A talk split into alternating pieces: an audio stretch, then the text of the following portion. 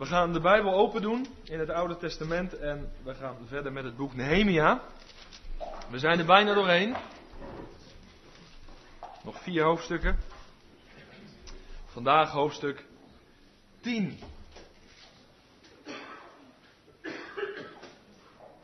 Ik heb best uh, geworsteld, moet ik zeggen, wat ik daarover kon delen en wat vandaag van toepassing is voor ons. Maar uiteindelijk is het allemaal goed gekomen.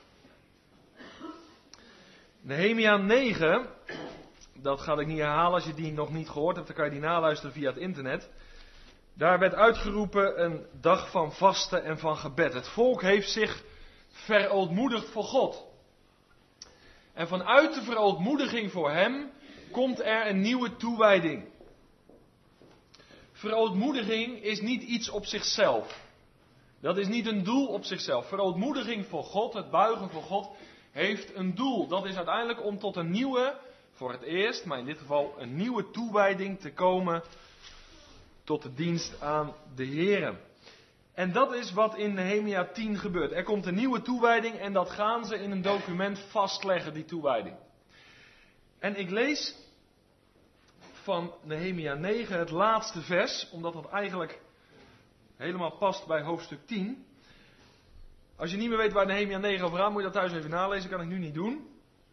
Maar we lezen vers 38 van hoofdstuk 9. Op grond van dit alles, dus alles wat er in hoofdstuk 9 is gebeurd, en die hoofdstukken daarvoor, op grond van dit alles sluiten wij een vaste overeenkomst. En stellen die op schrift.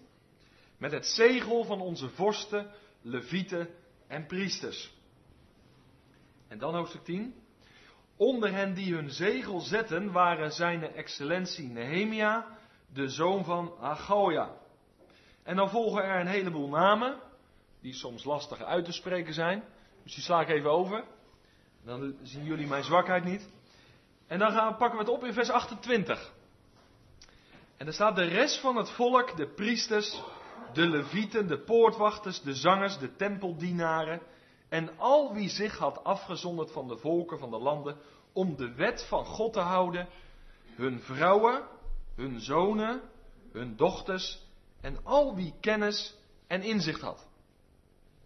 Zij verbonden zich met hun broeders en hun vooraanstaanden en namen met een eed, met een zelfvervloeking en een eed, de verplichting op zich dat zij zouden wandelen volgens de wet van God, die gegeven was door de dienst van Mozes, de dienaar van God. En dat zij alle geboden van de Heere, onze Heere, al zijn bepalingen, zijn verordeningen in acht zouden nemen en houden. Wij zullen onze dochters niet aan de volken van het land geven. En hun dochters zullen wij niet voor onze zonen nemen. Als de volken van het land op de Sabbatdag hun waren en allerlei soorten graan zullen brengen om te verkopen, dan zullen wij dat niet op de Sabbat of op een andere heilige dag van hen aannemen.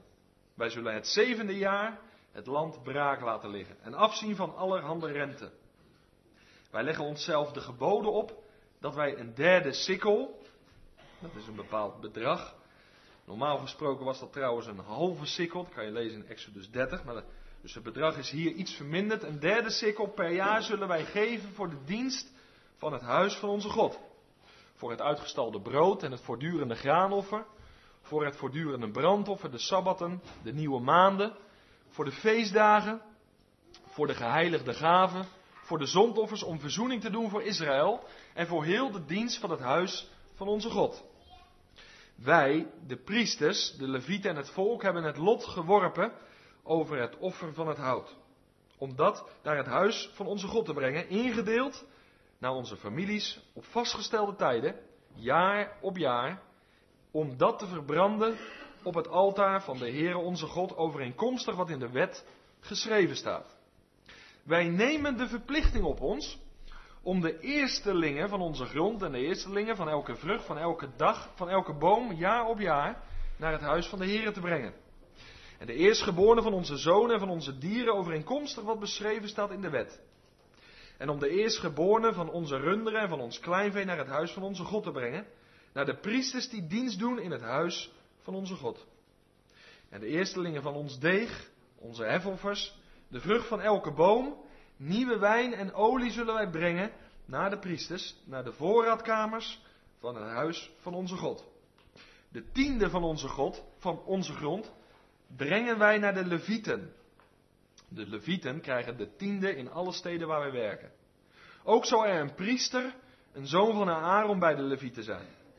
En als de levieten de tiende, als de levieten de tiende ontvangen.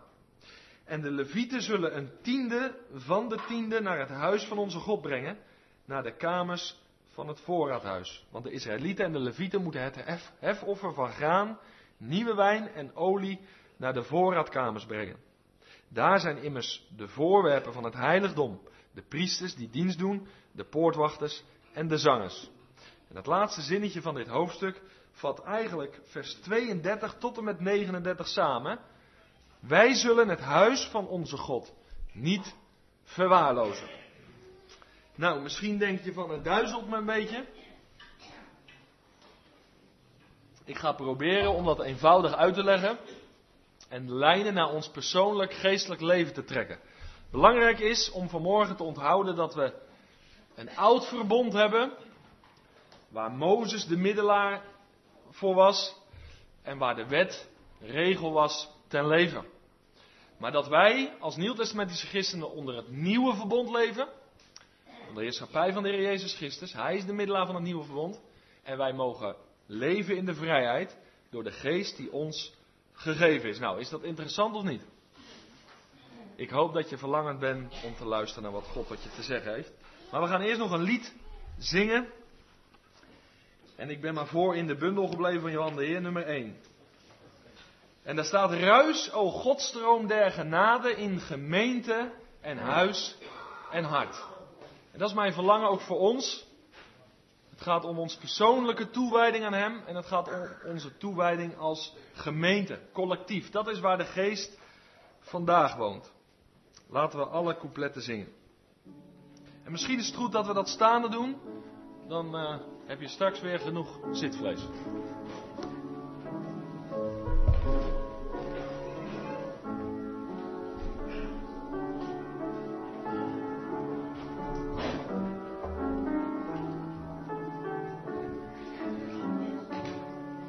Vergeet de. Die doen we in het naspel.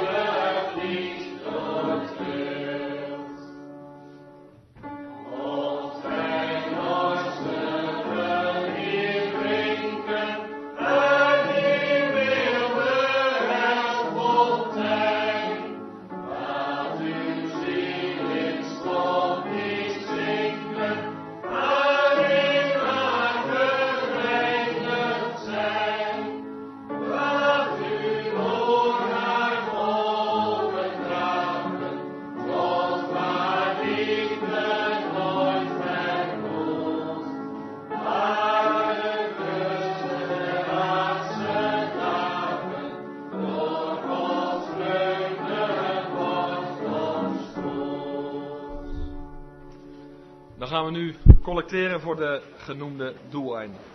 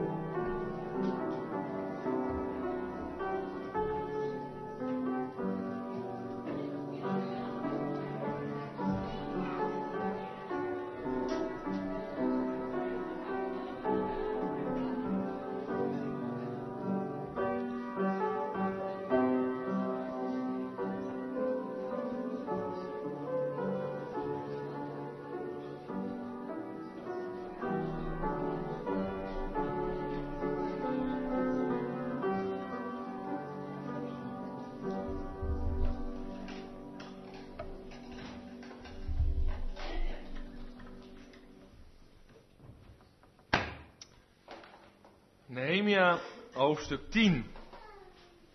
Het volk maakt een vernieuwing van het verbond. En ik wil jullie vanmorgen gaan uitdagen en gaan prikkelen. Want je kan natuurlijk wel zeggen dat je in de Heer Jezus gelooft. Maar ik ben van de week veel mensen tegengekomen in Turnhout die zeiden: Ja, wij geloven ook wel iets. Wat het precies was, wisten ze ook niet.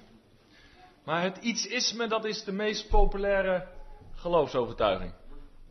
Ik heb van de week met een atheïst aan de deur gestaan, een stevig gesprek gehad. En uiteindelijk heb ik afgesloten, die hebben uiteindelijk een groter geloof dan ik. Want er was niks en dat ontplofte ook nog. Ik zei, ik kan historisch in ieder geval aantonen dat de Heer Jezus geleefd heeft. Maar die oerknal. Maar daarom, iedereen gelooft uiteindelijk wel wat. Maar waar het mij vanmorgen om gaat, is dat ons geloof ook omgezet wordt in daden. En ik wil je gaan uitdagen. Ik heb een overeenkomst van toewijding gemaakt. Ik heb de tekst in Romeinen 12, vanuit Romeinen 12, een beetje verbouwd. En ik wil je uitdagen. Wie gelooft dat de Bijbel van kaf tot kaf de waarheid is? Daar zijn we nog niet allemaal van overtuigd, maar dat is de waarheid hoor. 66 boeken. Dat is de waarheid. Ik ga ervan uit dat iedereen die hier zit wederom geboren is. Als dat niet zo is, dan moet je na de dienst blijven zitten. En dan gaan we samen op de knieën en dan gaan we naar de Heer Jezus toe. Zodat je met vrede in je hart naar huis gaat. Maar uitgaande dat iedereen hier wederom geboren is. Dan is het de vraag, ben je ook toegewijd? Leef je ook dat leven door de geest? Ik heb Romeinen 12 vers 1 en 2 vanmorgen vroeg een beetje verbouwd. Dus spreek me daar niet op aan. Ik heb het er netjes ondergezet na Romeinen 12, vers 1 en 2. Daar staat het volgende. Wij besluiten. Dit is een overeenkomst. U ziet de Baptistengemeente De Hoeksteen, Alblasserdam, met de datum van vandaag.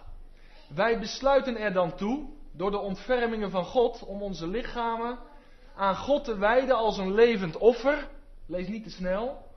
Heilig en voor God wel behagelijk dat is onze redelijke godsdienst.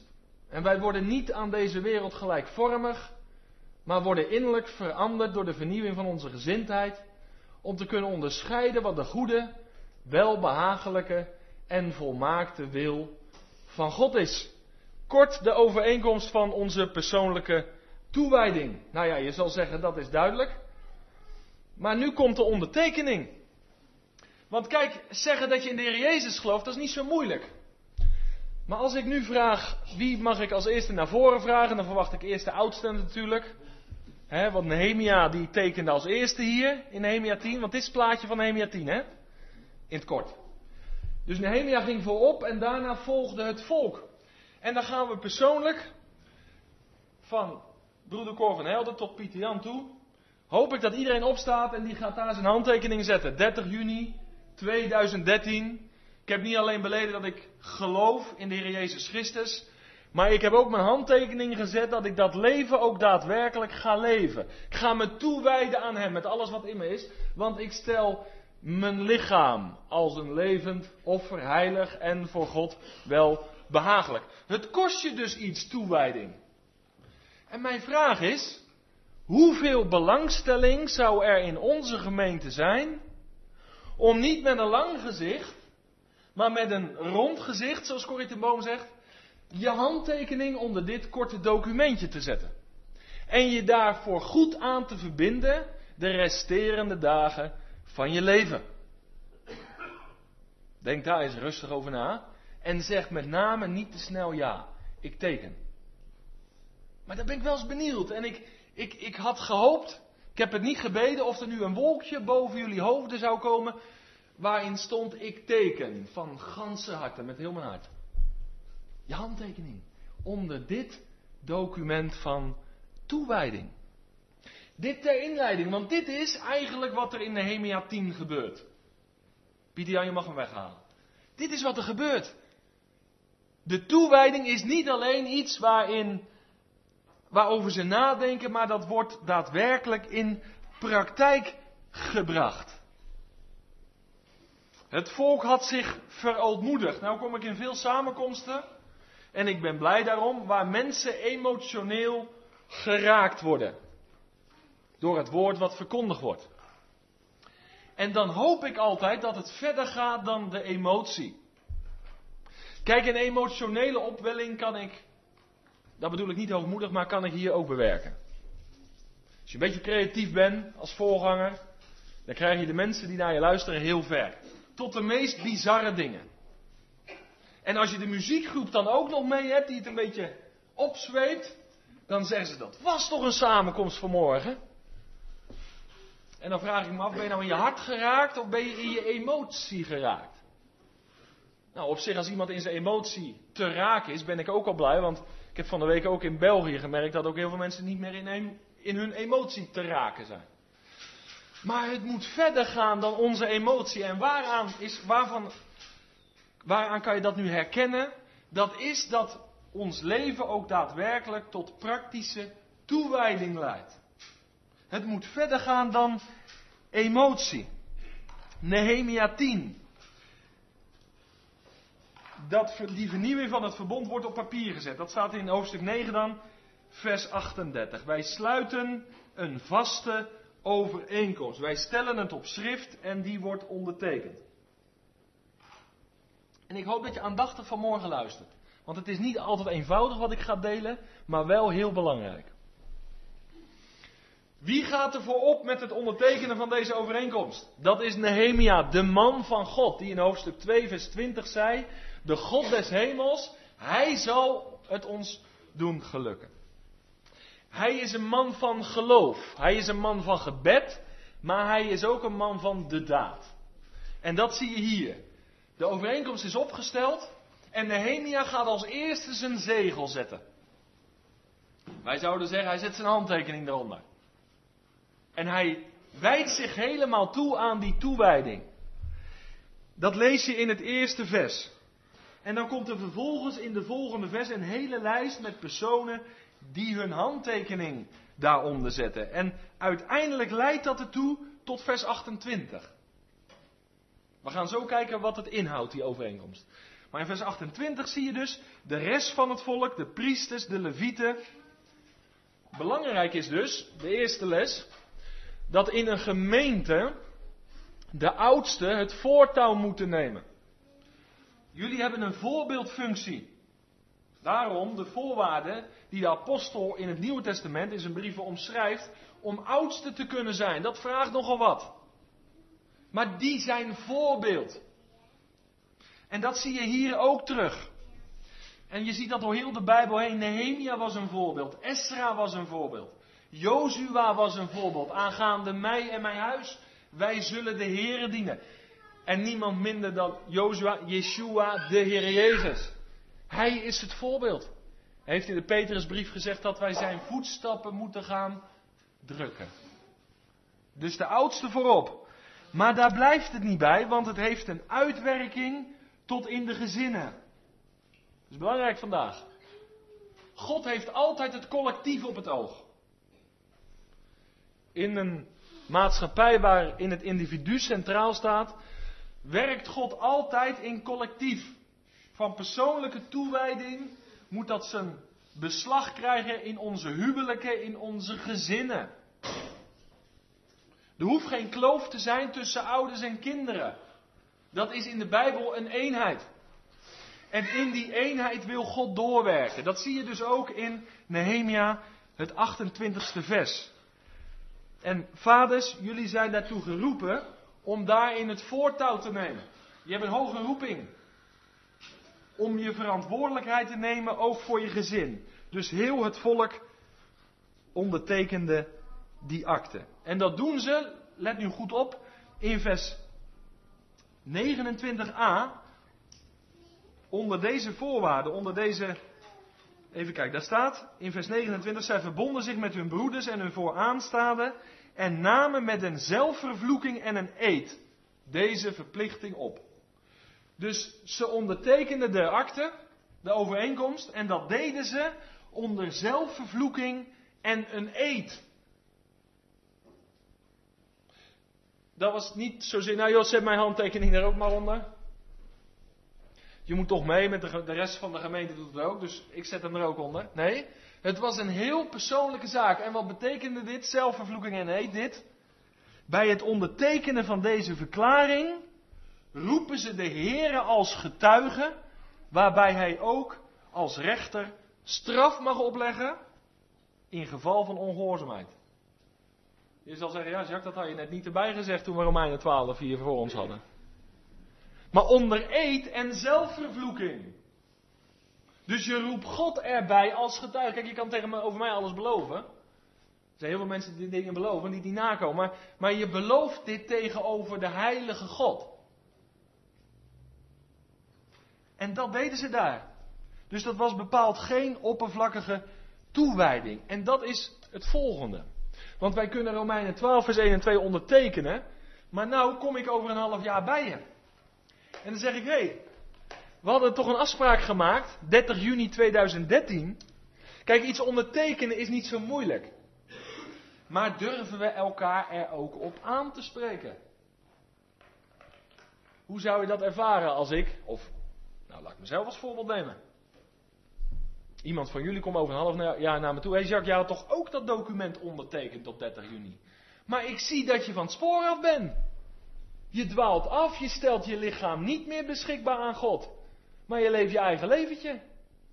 We hadden toch een overeenkomst getekend. Dat is de bedoeling van de gemeente. Niet alleen beleid ik geloof in Jezus. Niet alleen ook jezelf toewijden. Maar ook elkaar aanspreken. Hé, brandt het vuur nog in je hart of niet? Waar is je passie voor de Heer Jezus Christus? Waar is je bewogenheid met de mensen om ons heen? Leef je nog toegewijd? Ik merk dat het vuur in je hart gedoofd is. Wat is de oorzaak? Durven we dat? Dat is geestelijke volwassenheid.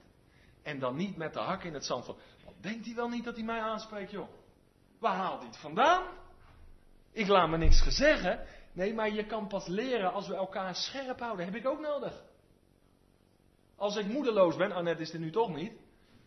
Dan geeft ze me vaak even een por en dan zegt ze van, welke kant gaan we op? Heb je het nog helder? Dat is de focus, die kant moeten we op. Ik heb dat nodig. En dat hebben we als we eerlijk zijn allemaal nodig. Maar de vraag is niet of we het nodig hebben. De vraag is, durven we het ook? Zou je het fijn vinden als iemand naar je toe komt over een half jaar? Of over een maand? Of zou je ervan schrikken? Waar bemoeit je je eigen mee? Dat is geestelijke onvolwassenheid. Dat is niet het model van de Bijbelse gemeente. We hebben elkaar gekregen om ons aan elkaar te scherpen. Slijpen. Dat is belangrijk en dat ontbreekt in de gemeente. Want weet je, we komen naar de gemeente, we horen het, we consumeren, we gaan naar huis. En we zeggen het was fijn of het was minder fijn. Maar dat is geen gemeente zijn. We zijn gegeven tot opbouw van het lichaam. Daarvoor worden we toegerust. En dat doet het misschien soms wel eens heel erg pijn als iemand eens wat tegen je zegt. Maar altijd vanuit de juiste gezindheid. De gezindheid van Jezus. Om jou, om u uiteindelijk sterker te maken. Dus niet alleen iets ondertekenen. Maar ook elkaar aanspreken. Bemoedigen. Aansporen. Elkaar aansporen om ons aan die overeenkomst te houden. We gaan een stapje verder. Wat was nu de inhoud van deze overeenkomst? Nou, dan kom je dus in de volgende verse. En om het een beetje behapbaar te houden, heb ik vijf grote thema's die deze overeenkomst bevat. Luister goed. Die overeenkomst die het volk hier tekent is niet nieuw. Het is niet zo dat ze zeggen, nou laten we wat nieuwe regels opstellen. Nee, ik heb al eerder vanaf deze plaats gezegd, het wetboek werd weer onder het stof vandaan gehaald. Hè? Er werd opgeblazen en het werd weer open gedaan. Het wiel werd niet opnieuw uitgevonden, hoeven wij ook niet te doen. De Bijbel is de Bijbel, verandert ook niet, al veranderen mensen en culturen en tradities, maar de Bijbel is hetzelfde. Alleen het is van belang, voor zover dat in je leven nog niet gebeurd is, dat je eens hard zo doet. Maar op jullie Bijbel ligt geen stof, toch? Omdat hij dagelijks open gaat, hij is versleten. En dit is een schone kaf, want je gebruikt hem. Dus je hoeft het niet opnieuw uit te vinden. Die mensen kom je vandaag ook tegen. Die willen opnieuw een Bijbel uitvinden, regels eraan toevoegen. Dat hoeft helemaal niet. God heeft een compleet verhaal aan ons gegeven. Zijn geopenbaarde wil. Alleen de vraag is, leeft die ook? Zijn we ook actief met dat woord van God? Handelen we er ook naar? En dat gebeurt hier.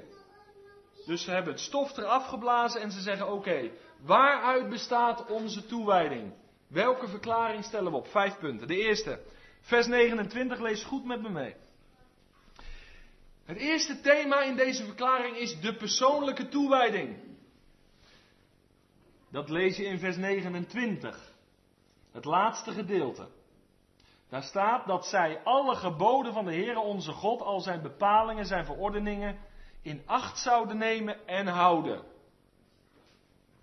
Dat is dus het complete wetboek van God, de Pentateuch, de vijf boeken van Mozes. Het gaat niet om de tien geboden, het gaat om de vijf boeken van Mozes. Al zijn verordeningen.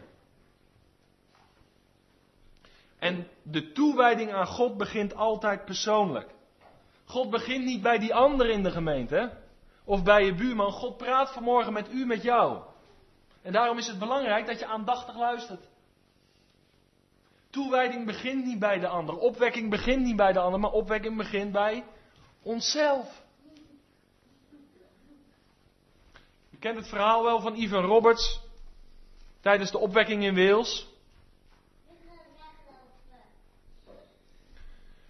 Hij tekende een cirkel op de grond en in de cirkel knielde hij neer. En hij bad Heer, schenk herleving en begin binnen de cirkel. Opwekking begint altijd bij onszelf. Het is een persoonlijke zaak. Wij zoeken altijd het probleem bij die ander, binnen ons huwelijk of binnen ons gezin of binnen de gemeente of in de wereld waarin wij leven. Maar er het gaat erom dat wij in de allereerste plaats ons persoonlijk toebidden, eh, toewijden.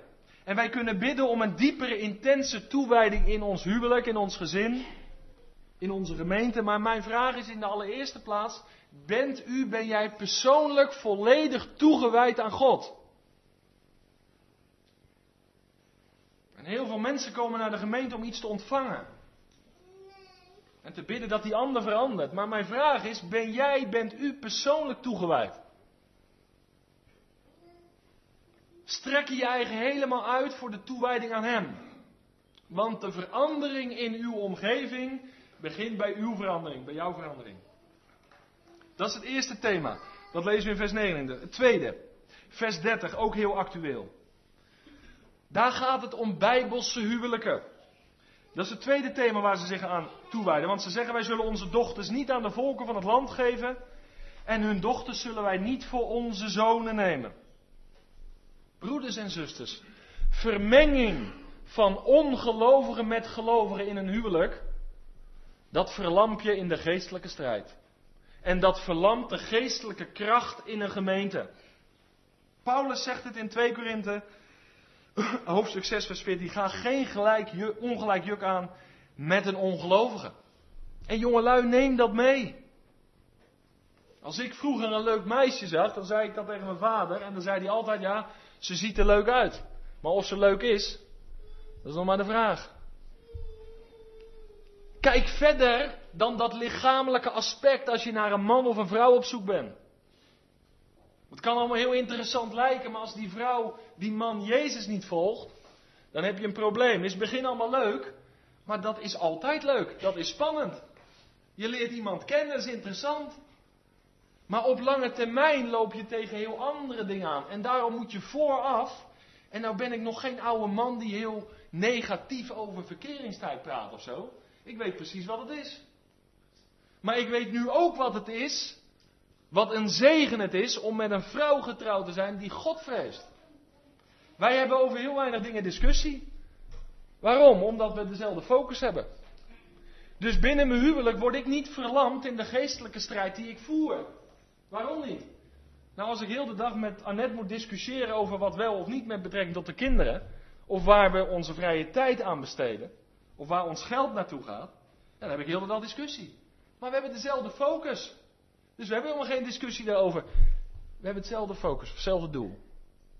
Nou, dat verlos je van heel veel dingen. En dat lichamelijke aspect zit er ook helemaal bij. Dus je hebt twee vliegen in één klap. Is dat geweldig of niet? Dus bid om een man, om een vrouw die God vreest. Dat is het belangrijkste. De rest komt vanzelf. En ik heb het de vorige keer gezegd, dat lichamelijke aspect dat past altijd. Hoef je niet druk om te maken. Dat komt wel.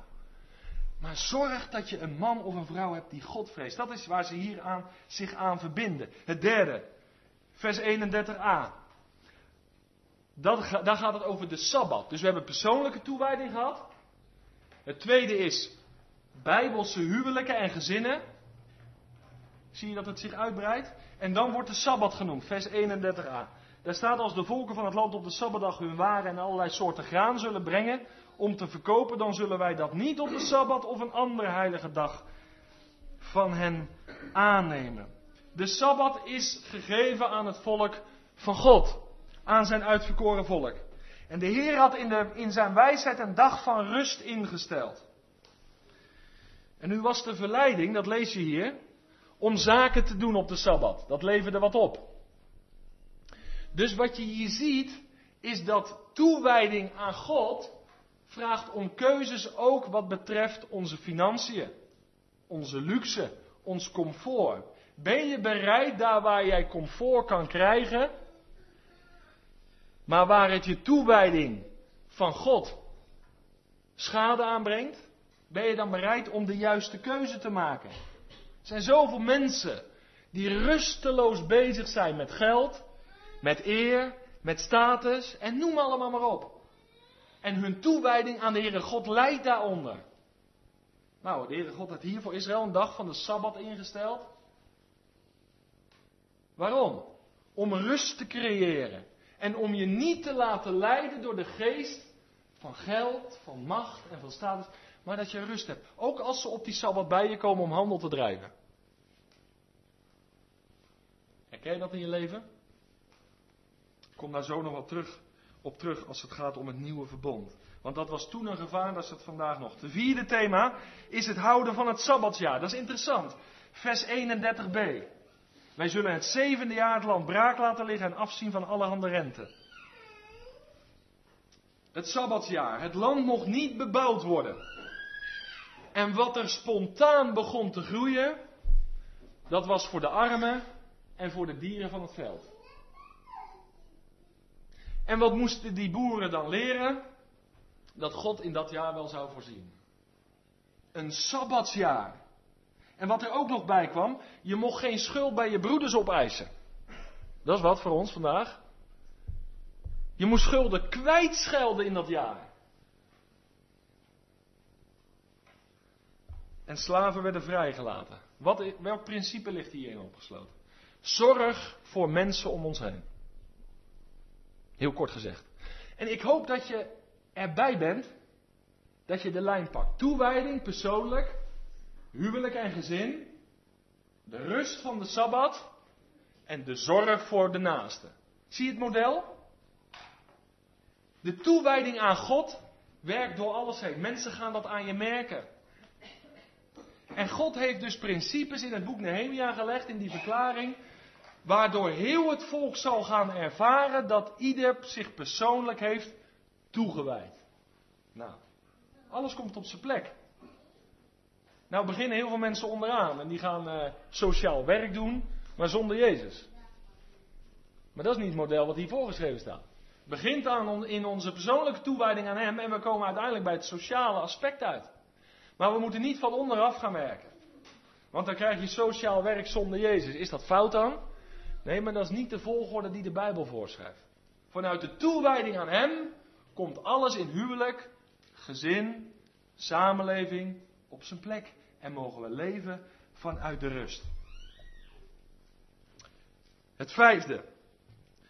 Dat is vers 32 tot en met 39. Die ga ik samenvatten. Daar gaat het om de instandhouding van de tempeldienst. En die laatste zin van vers 39 is de samenvatting. Wij zullen het huis van God niet verwaarlozen. Het huis van God, voor zover je dat dacht, is niet zozeer dit kerkgebouw.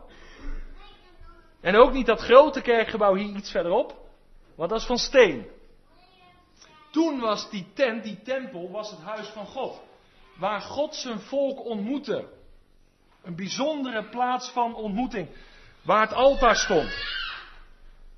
Vandaag ben jij en ik de tempel.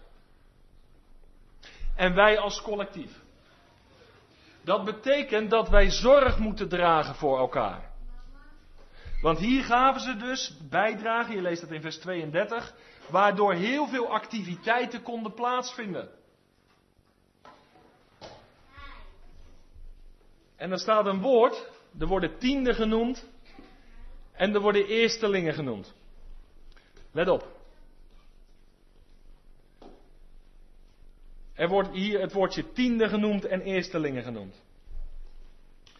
Dat is niet de reden dat de rommelmarkt hier is afgeschaft. Maar het is wel een doordenker. Het volk gaf hun eerstelingen. Dat wil zeggen het beste. En ik zie in heel veel kerkelijke gemeenten dat de opbrengst van de rommelmarkt is voor de dienst aan God. Ja, dat hebben we niet meer nodig. Dat, dat, dat stukje is eraf van, de, van die stoel. Weet je wat? We geven het aan de rommelmarkt mee. Kunnen ze nog een mooi prijsje voor krijgen misschien? Het komt allemaal ten goede aan de gemeente. Dan zijn dat de eerstelingen of niet? Dat is de tweedehands spullen. Dat geven we aan de dienst van onze God. Die zijn zoon voor ons gegeven heeft. Die zijn bloed gestort heeft. Die niets heeft achtergehouden. En Heer, onze toewijding aan u. Ja, wat is dat? Zijn dat de eerstelingen of is dat het tweedehands spul? En dan krijg ik gelijk na de dienst natuurlijk de vraag: mogen we dan geen rommelmarkt meer houden? Daar gaat het niet om. Deze gedachte moet je goed overdenken. Wat sta ik af aan de dienst aan mijn Heer? Wat is Hij me waard? Nou, de eerstelingen. Alles wat als eerste van het land kwam, de vruchten, noem maar op.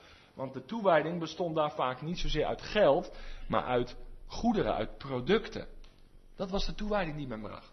Moeten we goed over nadenken. Want in heel veel kringen, in heel veel kerken draait het werk volop. Met dit soort activiteiten. Maar God is allereerst geïnteresseerd in onze persoonlijke toewijding. Een hart dat zich openstelt voor Hem en zich geheel aan Hem wijdt. Met het beste wat we hebben. Hoe is in je leven? Ik ga naar mijn derde punt. Het volk Israël wijde zich dus toe met hart, hoofd en handen. Jongelui, als je het moeilijk vindt om te onthouden en je vader of moeder vraagt je na de dienst, waar ging het over? Nou, Lennart, dan zeg je het ging over ha, ha, ha. Niet zozeer dat we gelachen hebben, maar het ging om hoofd, hart en handen. Makkelijk te onthouden. Daaruit bestond de dienst van God. Het is dus niet alleen je hoofd, het is de connectie naar het hart. En vervolgens komt dat openbaar in je handen. Dat is vandaag nog zo. Dat was onder het oude verbond zo, dat is onder het nieuwe verbond zo. En nu kom ik misschien wel op het moeilijkste gedeelte. Maar dit is de sleutel voor leven onder het nieuwe verbond. Blijf luisteren. Vers 29. Het tussengedeelte daar staat. Ze zouden wandelen volgens de wet van God die gegeven was door de dienst van Mozes. Dat verbond kwam voort uit de Pentateuch, de vijf boeken van Mozes. Zij leefden onder de wet. Doe dat en gij zult leven. Dat is een heel ander verbond dan waar wij onder leven. En welk, wat waren nou de kenmerken van dat leven? Nou, dat waren wetten, dat waren offers, dat waren schaduwen en dat was ten diepste een God op afstand. Dat is het oude verbond. Dat is heel belangrijk. En nu zeg je, ja maar Jacques, wij leven toch onder het nieuwe verbond, joh. En al die verklaringen en wetten. En ik kom hier in heel veel kringen en dan zeggen ze, joh, we staan in de vrijheid. Je moet ons niet weer binden aan iets. Nou, nou ga ik je wat laten zien. Nou ga ik je wat laten zien. Bladen met mij mee naar Matthäus 26.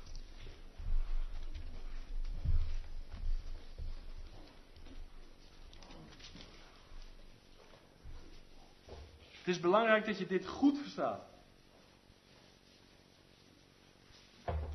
Dat oude verbond onder Mozes werd gekenmerkt door wetten, offers, schaduwen. Maar het nieuwe verbond, ik heb hem onderstreept in mijn Bijbel. Matthäus 26, vers 28. Want dit is mijn bloed, het bloed van het nieuwe verbond, dat door velen vergoten wordt, voor velen vergoten wordt, tot vergeving van zonde. Het oude verbond, daar werd geofferd en daar moesten wetten gehouden worden. Het nieuwe verbond is begonnen met de bloedstorting van Jezus. Waar? Aan het kruis van Golgotha. En dat is zo mooi. Dat nieuwe verbond is ten diepste begonnen bij het offer van alle offers. Het offer van het lam van God. Dat de zonde der wereld wegneemt. En hij stortte dat bloed eenmalig, voor eens en voor altijd. Dus het oude verbond werd gekenmerkt door het bloed, maar het nieuwe verbond is ook bezegeld door het bloed. Toen Christus verheerlijk werd, zijn hemelvaart, dat moest gebeuren voordat de trooster, de Heilige Geest, kon neerdalen. En die heeft woning gemaakt in mensenlevens. Dat is het kenmerk van het nieuwe verbond. Leven door de geest van God. Leven door de kracht van de Heilige Geest. De Heilige Geest is niet alleen op ons, oude verbond, maar hij is bovenal in ons. Het oude verbond was, doe dat en je zult leven. Maar wij leven door de geest van God. De wet is in ons hart, in ons binnenste geschreven. En waar de geest van de Heer is, daar is vrijheid. En nu wordt het interessant, handeling 11.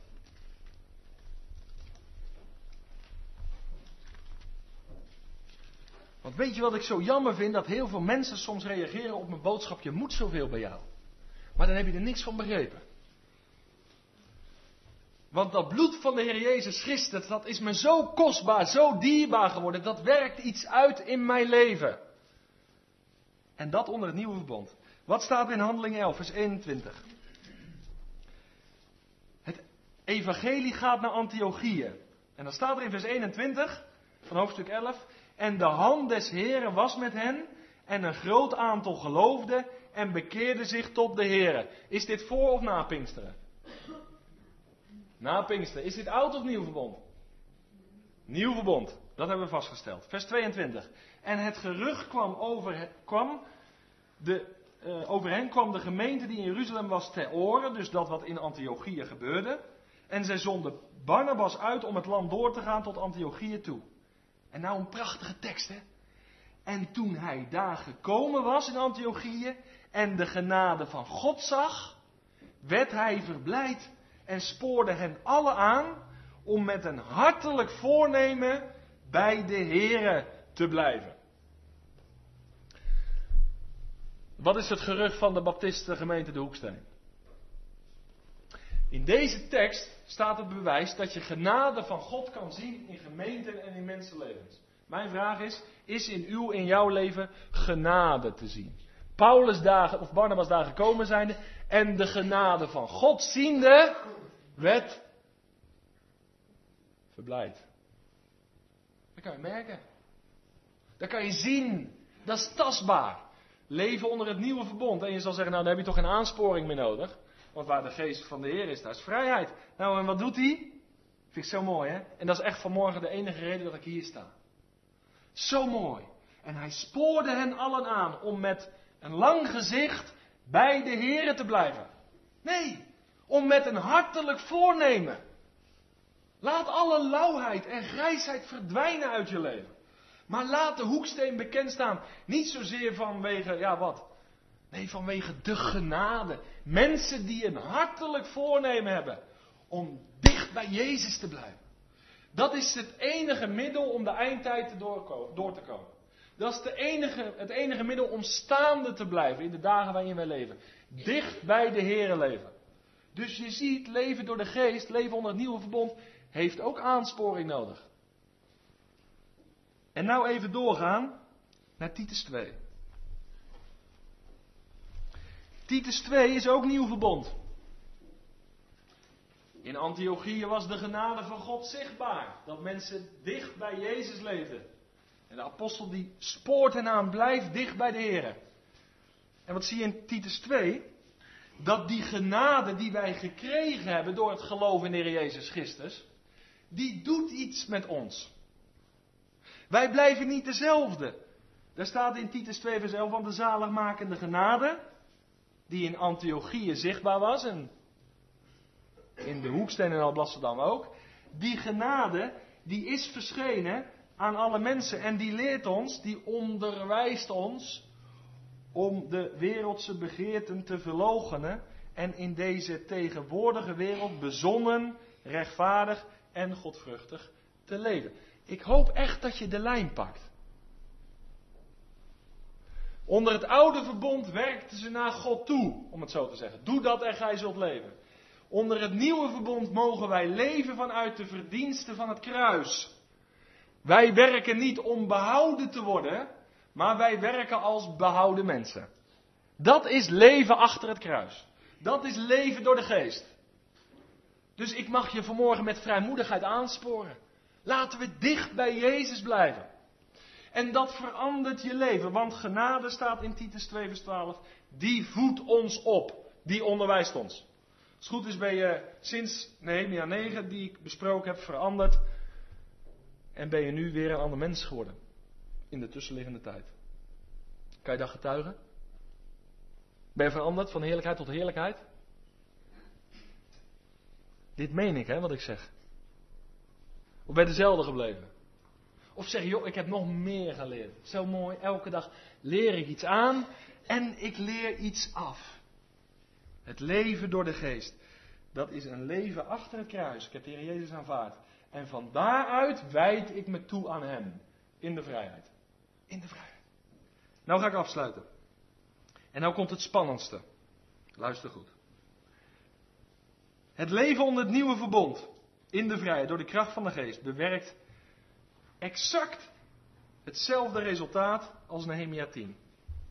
Want als ik me laat leiden door de Heilige Geest, dan wijd ik mij persoonlijk toe. Waar of niet? Als ik dicht bij Jezus leef, heeft dat impact op mijn huwelijk en op mijn gezin. Waar of niet? Als het gaat om de Sabbat, bevrijdende gedachte. Hebreeënbrief zegt, wij zijn de rust door het geloof reeds ingegaan. Heb je rust? Komt allen tot mij, die vermoeid en belast. Het leven door de geest, het leven met Jezus, het geloven in Hem, heeft ons doen ingaan in de eeuwige rust. Is dat rijk of niet? Dat is leven onder het nieuwe verbond. Ik ben de rust ingegaan en vanuit die rust mag ik ook leven. En het Sabbatjaar, gaan we dat ook houden? Nou, je mag van mij best een sabbatical houden. Maar het leven, de bewogenheid van Jezus, met de wereld om hem heen, die gezindheid heb ik ook gekregen. Dus mijn buurman wordt er alleen maar beter van, van het feit dat ik christen ben. Waar of niet? Ik krijg zorg en oog voor degenen die het moeilijk hebben. Voor de armen, voor alleenstaanden. Ik ga andersom met de dieren die God geschapen heeft. Want dat was het Sabbatsjaar. En ik leef door het geloof dat Hij zal voorzien. Is dat een rijk leven of niet? Allemaal leven door de geest. Pas het toe hè, op je hart. Niet alleen waarheden, maar praktiseer je het. Dus je ziet dat dat wat Nehemia 10 onderwijst, wordt ook het leven als wij leven door de geest van God. Weer die piramide, persoonlijke toewijding en alles komt op zijn plek. En daarom is in ons land de chaos compleet. Omdat één, men zich niet toewijdt en twee, er zoveel verwarring is over uh, basiswaarheden uit de Bijbel. Maar ik geloof eerst dat we ons moeten overgeven aan de Heer Jezus, leven uit Hem en dan krijgt alles zijn plek. En dat is wat opwekking bewerkt. Opwekking begint persoonlijk. En de samenleving gaat merken als de hoeksteen gaat leven. Dan gaat er wat van ons uit. Dan gaat iedereen het merken, er is wat gebeurd daar aan de plantageweg. Daar verlang ik naar. Ik ben dankbaar voor wat er gebeurt, maar ik verlang naar veel meer. Ik verlang naar veel meer. Ik ga nu echt afsluiten. Wij hebben het niet zo op verklaringen. We hebben het niet zo op wetten en regels. We staan in de vrijheid. Maar nou ga ik een ondeugende toepassing maken en ik geloof dat ik de Bijbel aan mijn kant heb. Door fysieke geboorte werd een Jood geboren onder het oude verbond. Fysieke geboorte. Door wedergeboorte wordt een mens vandaag geboren onder het nieuwe verbond. Kan je me volgen? Fysieke geboorte maakt mij een Jood. Wedergeboorte maakt mij onderdeel van de gemeente. En ik heb de geest niet op me, ik heb de geest in me. Dat lied uit opwekking is oude verbond. U bent boven me, naast me, onder me. Dat is oude verbond. De geest is in ons. Dat is veel rijker. Hij woont hier, 2 meter 4. Dat is rijk. Dit is zijn tempel. Nu vraag ik je de volgende vraag. Als jij geen belangstelling hebt voor verklaringen en dat soort dingen. We zijn een baptistengemeente. Je hebt een keer een verklaring in je leven afgelegd. Wanneer was dat? Voor degenen die gedoopt zijn. Hier. Toen heb je. Kijk, het volk dat maakte aan publiek die verklaring, ondertekenden ze. Toen je gedoopt werd, toen mocht je hier een verklaring, een getuigenis geven van wie God is, van wat hij in jouw hart en leven gedaan heeft, en je sprak je verlangen uit om je toe te wijden. Is dat een verklaring of niet? Voor sommigen staat hij nog, is die nog opgenomen ook. Door geboorte een Jood, oude verbond. Door wedergeboorte leven onder het nieuwe verbond, leven door de geest. Wat was het teken van het oude verbond? Dat was de besnijdenis. En wat is het teken van het nieuwe verbond? De doop door onderdompeling. En mijn vraag is vanmorgen. Nu Israël zich aan publiek toewijde en gaven hun getuigenis van hun toewijding. Is mijn vraag. En ga dit vanmiddag voor jezelf biddend overdenken. Als je vanmorgen beleidt. Ik heb de Heer Jezus aangenomen als mijn Heer en Heiland. Ik mag leven door de geest. Leven onder het nieuwe verbond. Draag je ook het teken van het nieuwe verbond? Want de Bijbel leert dat de doop de toegang is tot de weg van discipelschap. Leven onder dat nieuwe verbond, onder het beheer van Hem.